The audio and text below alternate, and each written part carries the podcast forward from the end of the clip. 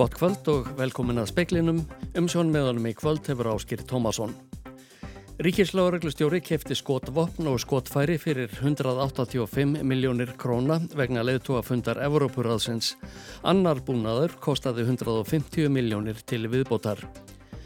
Fjármálar á þeirra vonast til þess að afkoma ríkisjós á þessu ári verði betri en framkomi fyrir efnahagsbám. Vara Sæðlabankastjóri segir í ákvætt að þeim fækki sem nota reyðu fyrir viðskiptum.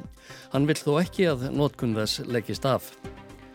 Starfsópur á vegum félagsmólar á þeirra telur þjónustu við þólendur kinnbundins ofbeldis ómarkvissa. Knatsbyrnu konan Sveindís Jane Jónsdóttir ætlar að njóta þess að spila á största sviðinu þegar liðarnar Wolfsburg mætir Barcelona í úrslita leik mestaradeildarinnar. Embætti Ríkis lauruglistjóra kefti skotvapn og skotfæri vegna leðtúafundar Evrópuráðsins fyrir 185 miljónir króna, bæði Glock skambissur og MP5 bissur en ekki hriðskotabissur. Annar búnaður kostaði um 150 miljónir til viðbótar. Búnaðinum verður ekki skilað heldur nýtist laureglu áfram. Runolfur Þórhalsson, aðstóðar yfir lauruglu þjóðn hjá Ríkis lauruglustjóra, vil ekki gefa upp magnvopna sem keift var á, grund, á grundvelli þjóðaröryggis.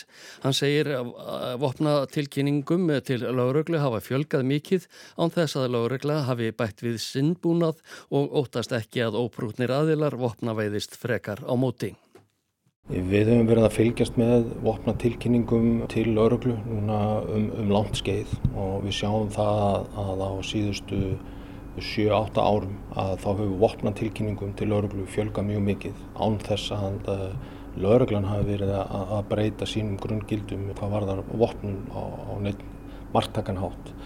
Þannig að ég hef svo sem ekki séð neinar reyndar rannsóknir um beint orsakasamingi þess að laurugla kaupi ykkur skotofn og aðrir fara þá að gera það líka. Verður einhver breyting á því hvar vopn lauruglunar eru staðsett nú þegar þeim hefur vantalega fjölgað lítilega? Við þurfum að, að náttúrulega tryggja það að, að lauruglan geti út um all land brugðist við ákunnum aðstæðum. Þetta eru allt saman eh, neyðar eh, aðstæður sem að geta komið upp með mjög skömmum fyrirvara þannig að við þurfum að horfa til alls landsins hvað það varðan. Við erum hér með nýju lauruglu umdæmi sem að, að þurfa að geta brugðist við. Markmiðið er að styrkja lauruglunni í heilsinni. Þetta sagði Runolfur Þorhalsson, Benedikt Sigursson talaði við hann.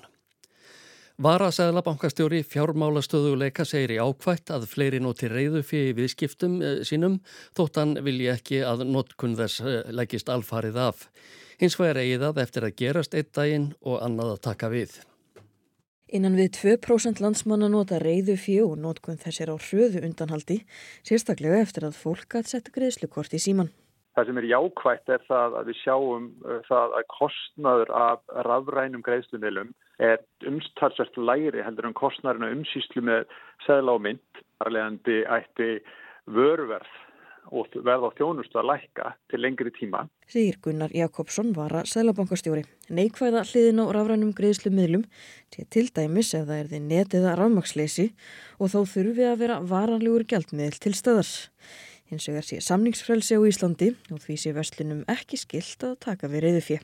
Sannkvæmt íslenskum lögum þá er vestlunum heimilt að neyta að taka við selum og mynd.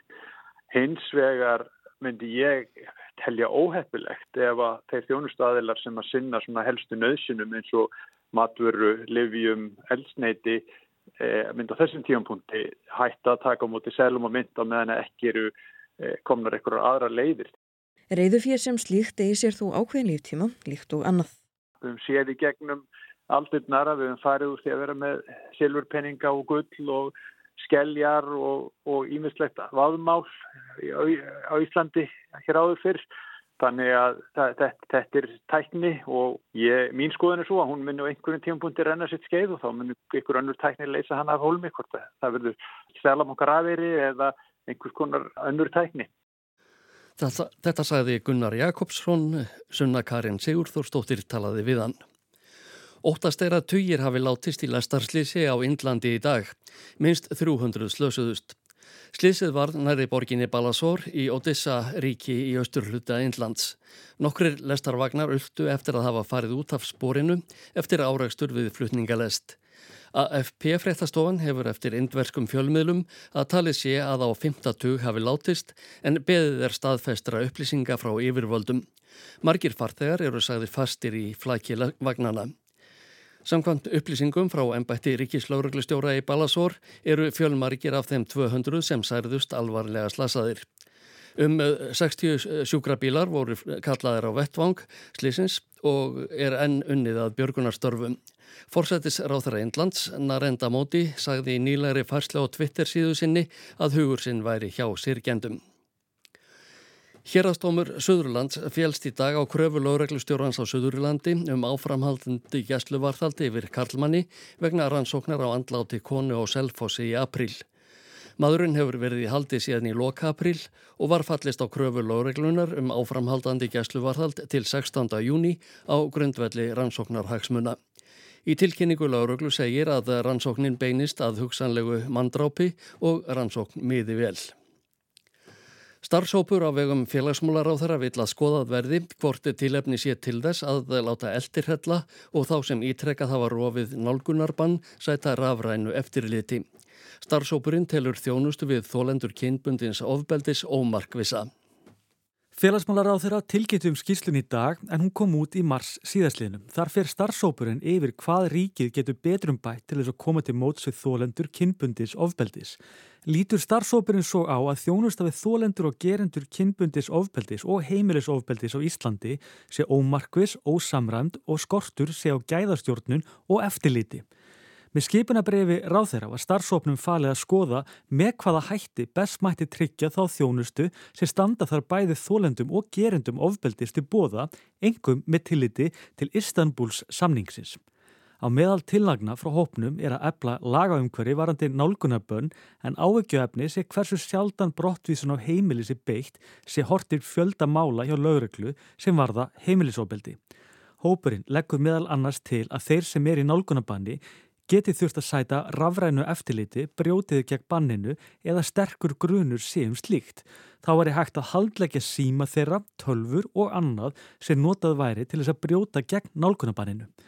Tillegunum er ætlað að leiða til framfara í þjónustu við bæði þólendur og gerendur í ofbeldismálum og til lengri tíma draga úr kostnaði annar staði í þjónustukerfum ríkis og sveitafélaga. Valur Grettisson sagði frá. Atkvæðagreisla um verkfallsaðgerðir félaga rafiðnaðar sambandsins sem starfa hjá landsneti hefst í, í næstu viku. Uppúrslitnaði í kjara viðræðum RSI við landsneti í gær og í tilkynningu félagsins segir að félagsfólk láti ekki lengur bjóða sér læri grunnlaun en samanburðar hópar í orkugeranum því launum sé haldið uppi með miklum yfirvinnu törnum áriðum kring. Þessi hópur haldi raforkukerfi landsins uppi og sinni starfum sínum af fornfísi í alls konar veðrum og á öllum tímum sólarhengs. Landsliðskonan eh, Svendís Jane Jónsdóttir verður í eldlínunni með Þískaliðinu Wolfsburg sem mætir Barcelona í úrslitaleg meistaradeildarinnar í fótbolta á morgun. Svendís segir að pressan sé öll á Barcelona og að hún ætla að njóta þess að spila á stærsta sviðinu. Þetta er náttúrulega sem manni dreymir um þegar maður er íþróttumæður eða eins og ég segi fókbaltkona. Þetta er bara stærsta, stærsta sem maður getur tekið þátt í og hérna, ég er ógslag ánað með þetta og bara vita að þetta sé ekki í uh, síðast skipti. Ég held að þetta er fyrst skipti og ég ætla að fá að spila þessa leiki oftar.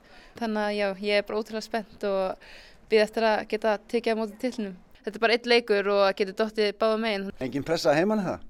Nei, alls ekki. Það er bara allir ótrúlega stoltir og halda bara með Wolfsburg allavega heima á Íslandi. Saman hvort það sé haldi með Barcelona í spænska fólktum, það er allir svona sem að stiðja við baki á mér finnst mér. Þetta sagði Sveindís Jane Jónsdóttir í viðtali við Björn Malmqvist í Eindhofen í Hollandi í dag þar sem leikurinn fer fram. Úrslita leikurinn verður síndur á Rúf á morgun, leikurinn hefst klukkan 2 og útsendingin klukkan halv 2.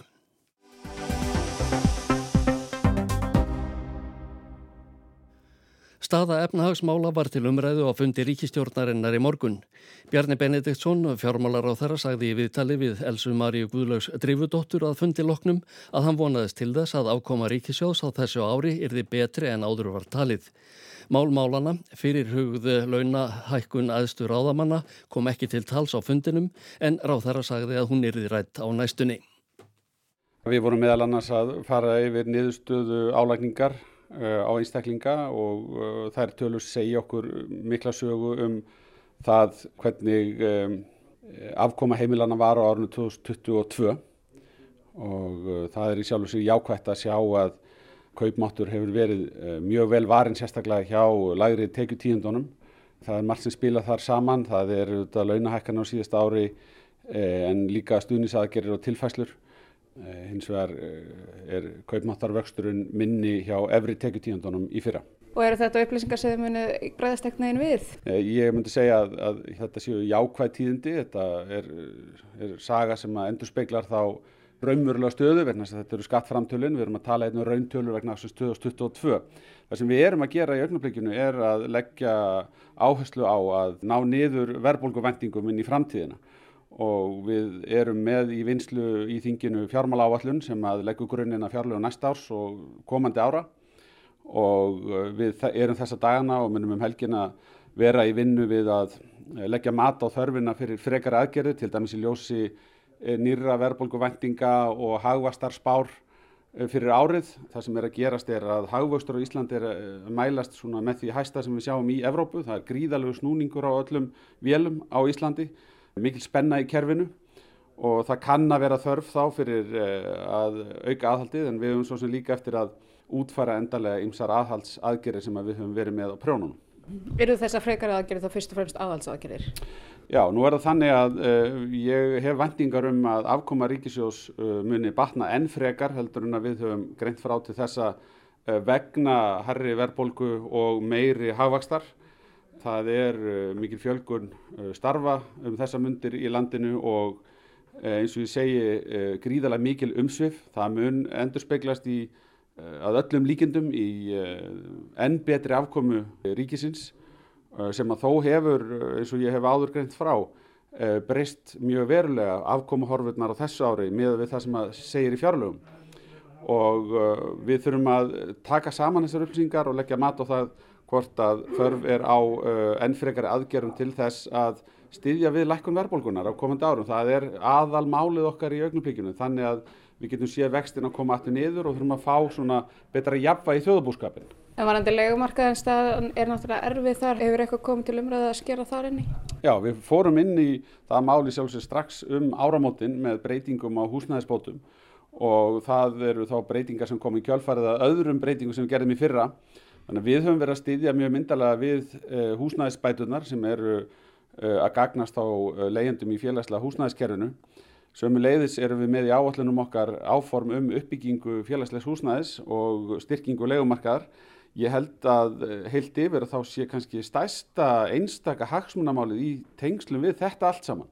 Að einfallega ná niður verðbólkunni þannig að vextir lækki og það komist aftur á betra jafnvægi þannig að það verði góður gangur í uppbyggingu húsnæðis í landinu og frambóðsliðin lægist.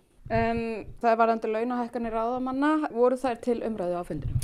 Það voru ekki til sérstakrar umræðu en við uh, munum ræða það núna á komandi dögum hvort ástæða uh, sé til uh, viðbræða og greina frá því þá í framhald af því. Þykir þér komandi greina að vika frá þeim?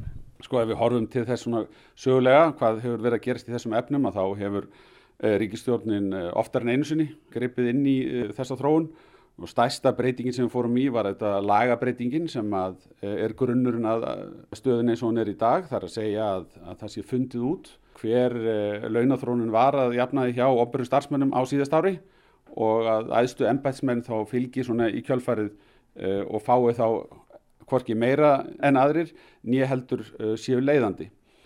Síðan kemur upp þessi staða þar sem að vinnumarkarinn hefur lagt uh, svona sérstaka áherslu á hækkun lagstu launa og það þýðir þá það að það er ekki hægt að láta sömum prósunduna að ganga yfir og upp allan launastigan.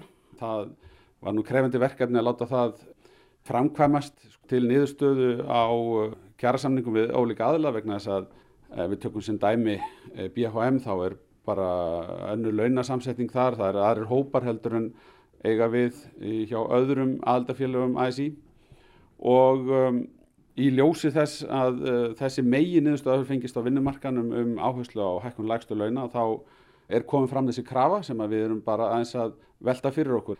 en ég er ekki tveiminu við að segja það að, að manni er auðvitað á móti skapi að vera sífælt að krukka í launum uh, æðstu ennbætsmanna ríkisins og þá er ég ekki að tala um þingmenn og ráþara, ég er til dæmis að tala um aðra ennbætsmenn, dómara, svo dæmis í tekið, saksóknara og aðra slíka. Myndur þú segja að það sé til skoðunar að fresta eða draga úr launahækkun ráðamanna? Já, ég segi að við hefum ekki útiloka neitt í því. Þessi ríkistofn hefur margóft síndaði verki að hún er tilbúin til þess að grípa til aðgerða til þess að skapa skilirði fyrir ábyrga kjærasamninga. Það hefur verið eitthvað reiki, nákvæmlega hvað er þetta mikil hækkun sem við erum að tala með? Já, sko, eftir sem að uh, ég hef séð tekið saman að þá væri við að tala um það að á grundvili lagana ætti að koma 6% hækkun uh, launa á það hópa sem að hafa ekki samningsrétt og eiga að taka launabreitingu bara samkvæmt lögunum sem er í gildi og það er þá þessi undirlíkjandi tala sem að miðar þá við þá þróun sem var á árunum 2022. Þetta sagði Bjarni Benediktsson fjármálar á þeirra í viðtali við Elsu Maríu Guðlögs Drífudóttur.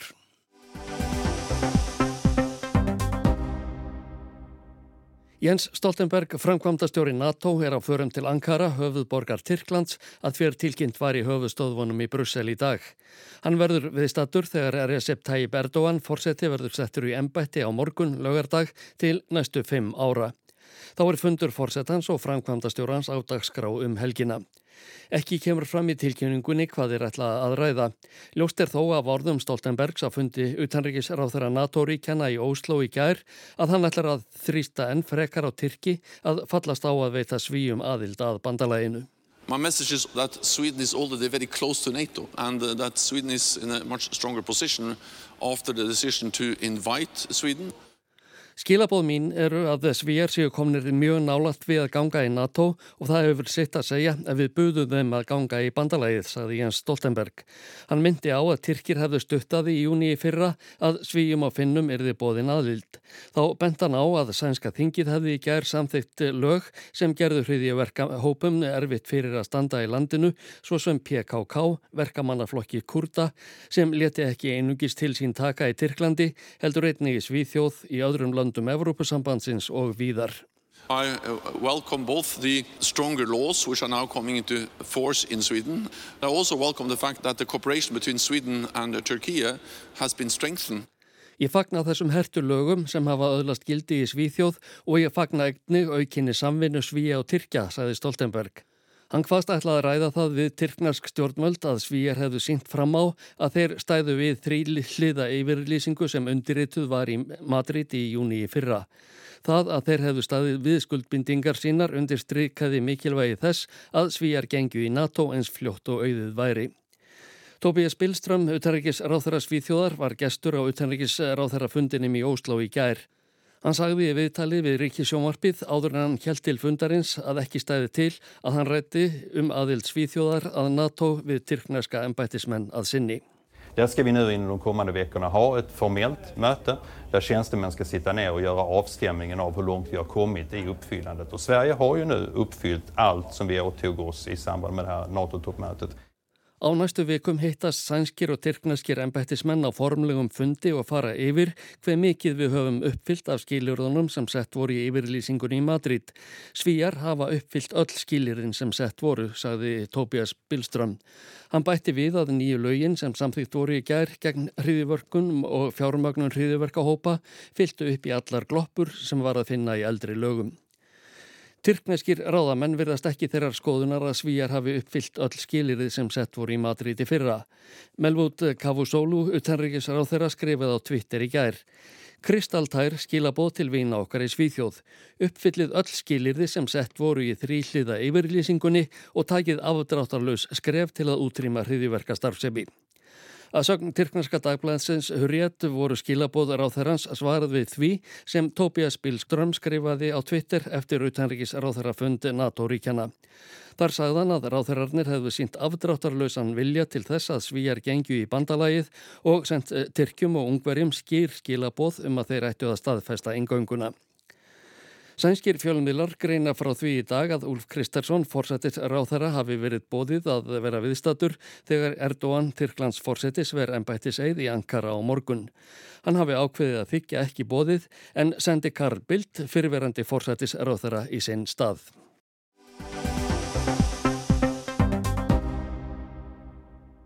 Á umhverfistofnun var í vetur settur á lakirnar þverfaglegu starfsópur um umhverfis heilsu með það að leiðarljósi að veita faglegar ágjöfum áhrif umhverfis á heilsu fólks eins og segir á vefstofnunarinnar.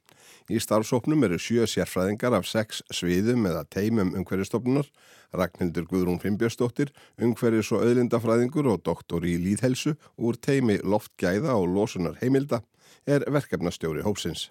Margir halda þegar við heyra þetta hugtak umhverfis heilsa að við séum að ræða um heilsu umhverfisins eða í hvaða stöðu umhverfi er. En það er rauninni ekki það sem við erum að hugsa með þessum hóp heldur er það við erum að skoða og veita ráðgjöf og fræðslu varðandi það hvernig umhverfið í kringum okkur hefur áhrif á heilsu manna sama hvort þessu jákvæð áhrif á okkur eða neikvæð áhrif. Og tilgangurinn með því að stopna þennan hóp innan hús hjá umhverjastofnun er í rauninni það að vekja vekja aðtigli og íta svolítið undir þessa vitundavakningu sem tengist þessum málum. Þú veist, hvernig er umhverfið að hafa áhrif á okkur? Við vitum og heyrum oft til dæmis að loftgæði skipta miklu máli fyrir okkur og það er hluti af umhverfinu sem að er að hafa neikvæða áhrif á helsumanna en það er svo mikið annað heldur um bara loftmengun sem hefur slæm áhrif á heilsu og það er líka svo mikið margt í umhverfum sem hefur líka jákvæð áhrif á okkur. Og það er eins og ég segi nummer 1, 2 og 3 það er að vekja aðtigli á þessum málaflokki og, og bara fá fólk til þess að hugsa svolítið um þetta. Hvernig þetta er einnig spilast saman umhverfið og heilsa manna? Umhverfið er ekki eitthvað eitt, það er alls konar og allt umkring og flest hefur þar áhrif á flest annað og umhverfið hefur áhrif á mannfólkið rétt eins og mannfólkið á umhverfið ástæðan fyrir því að við erum að hafa þetta líka þverfaglegan hóp er að þetta er svo mörgsvið, það er svo margt í umhverfunu sem hefur áhrif á okkur og það er loftmengun eins og ég nefndi á þann, það er efnamengun í nærumhverfi, við erum með sérfræðing úr efnateimi umhverfstofnunar í þessum hópi. Við erum með sérfræðinga úr ringrásahakerfi þar sem er, við erum að skoða líka efnamengun í nærumhverfi og húsakinnin. Svo erum við með sérfræðing úr hotlostaháttu teimi sem skoða mikið hljóðmingun og er mikið í samstarfi við heilbriðiseftirlitin og, og, og svona. Og svo er það náttúrulega líka gróðurhúsa áhrifin, þú veist það að hlínun jarðar það er náttúrulega umhverju okkar og það hefur áhrif á heilsu manna og, og rannsóknir hafa sínt að hlínun jarðar hefur mismundi áhrif á fólk bara eftir ólíkum hópum fólks. Og svo má ekki gleyma heldur líka náttúruvendinni. Þar er, það er sérfræðingur í teiminu eh, í þessum hópi hjá okkur úr teimin náttúruvendar og þar kemur inn þessi í rauninni jákvæðu áhrif umhverfis á heilsu. Og það er, þú veist, við vitum það öll að bara maður getur þarna, fylst af orku og bara andlegri velíðan með því að fara út í grænt umhverfi og lappa eins út það sem er bara eitthvað grænt saman hvort að sé skóur eða í rauninni bara græs þannig að Þetta er mjög þverfalegur málaflokkur og nöðsynlegt að skoða þetta frá þessum ólíku sjónarhóttnum og málaflokkum. Vinna starfsópsins er enn á byrjunast í, segir Ragnhildur, en markmið er að auka vísindalega þekkingu sérfræðinga umhverfistofnunar um tengsl umhverfis álags á heilsu fólks og miðla þeirri þekkingu og þeim gögnum sem þar hefur verið sapnað um málaflokkin til annara og auka og styrkja samstarfið hópa og stofnanir sem vinnað skildum verkefnum, svo sem landlæknisembættið, háskólana og félag lækna gegn náttúruvás og dæmisjöu tekinn. Áhrif loftmengunar og þá sérstaklega svifriksmengunar á heilsu fólks hafa mikið verið rannsökuð og árlega fáum við fréttir af útrekningum umhverjustofnunar Evrópu og alþjóða helbriðismálastofnunarinnar af því hversu mörg ótímabær döðsföll eru rakinn til hennar í heiminum.